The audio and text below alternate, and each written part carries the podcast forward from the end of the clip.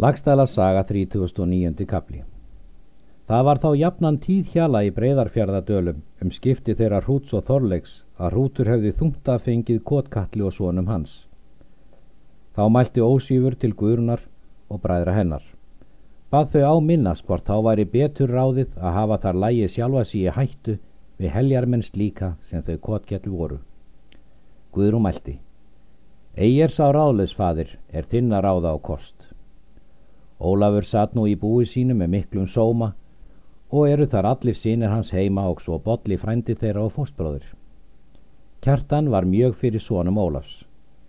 Þeir kjartan og bolli unnust mest. Fór kjartan hvergi þessir eigi fyldi bolli honum. Kjartan fór oft til sælingsstarslaugar. Jafnan bar svo til að Guðrún var að laugu. Þótti kjartan er gott að tala við Guðrúnu því að hún var bæði vitur og málsnjöll. Það var allra manna mála með þeim kjartanu og guðrunu þætti vera mest jafnbræði þeirra manna er þá óksu upp.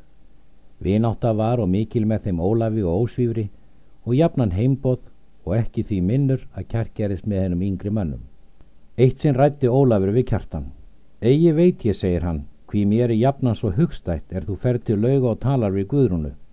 En eigi er það fyrir því að eigi þætti mér guðrun fyrir öllum konum öðrum og hún er ein svo hvenna mér þykir þér fullkosta.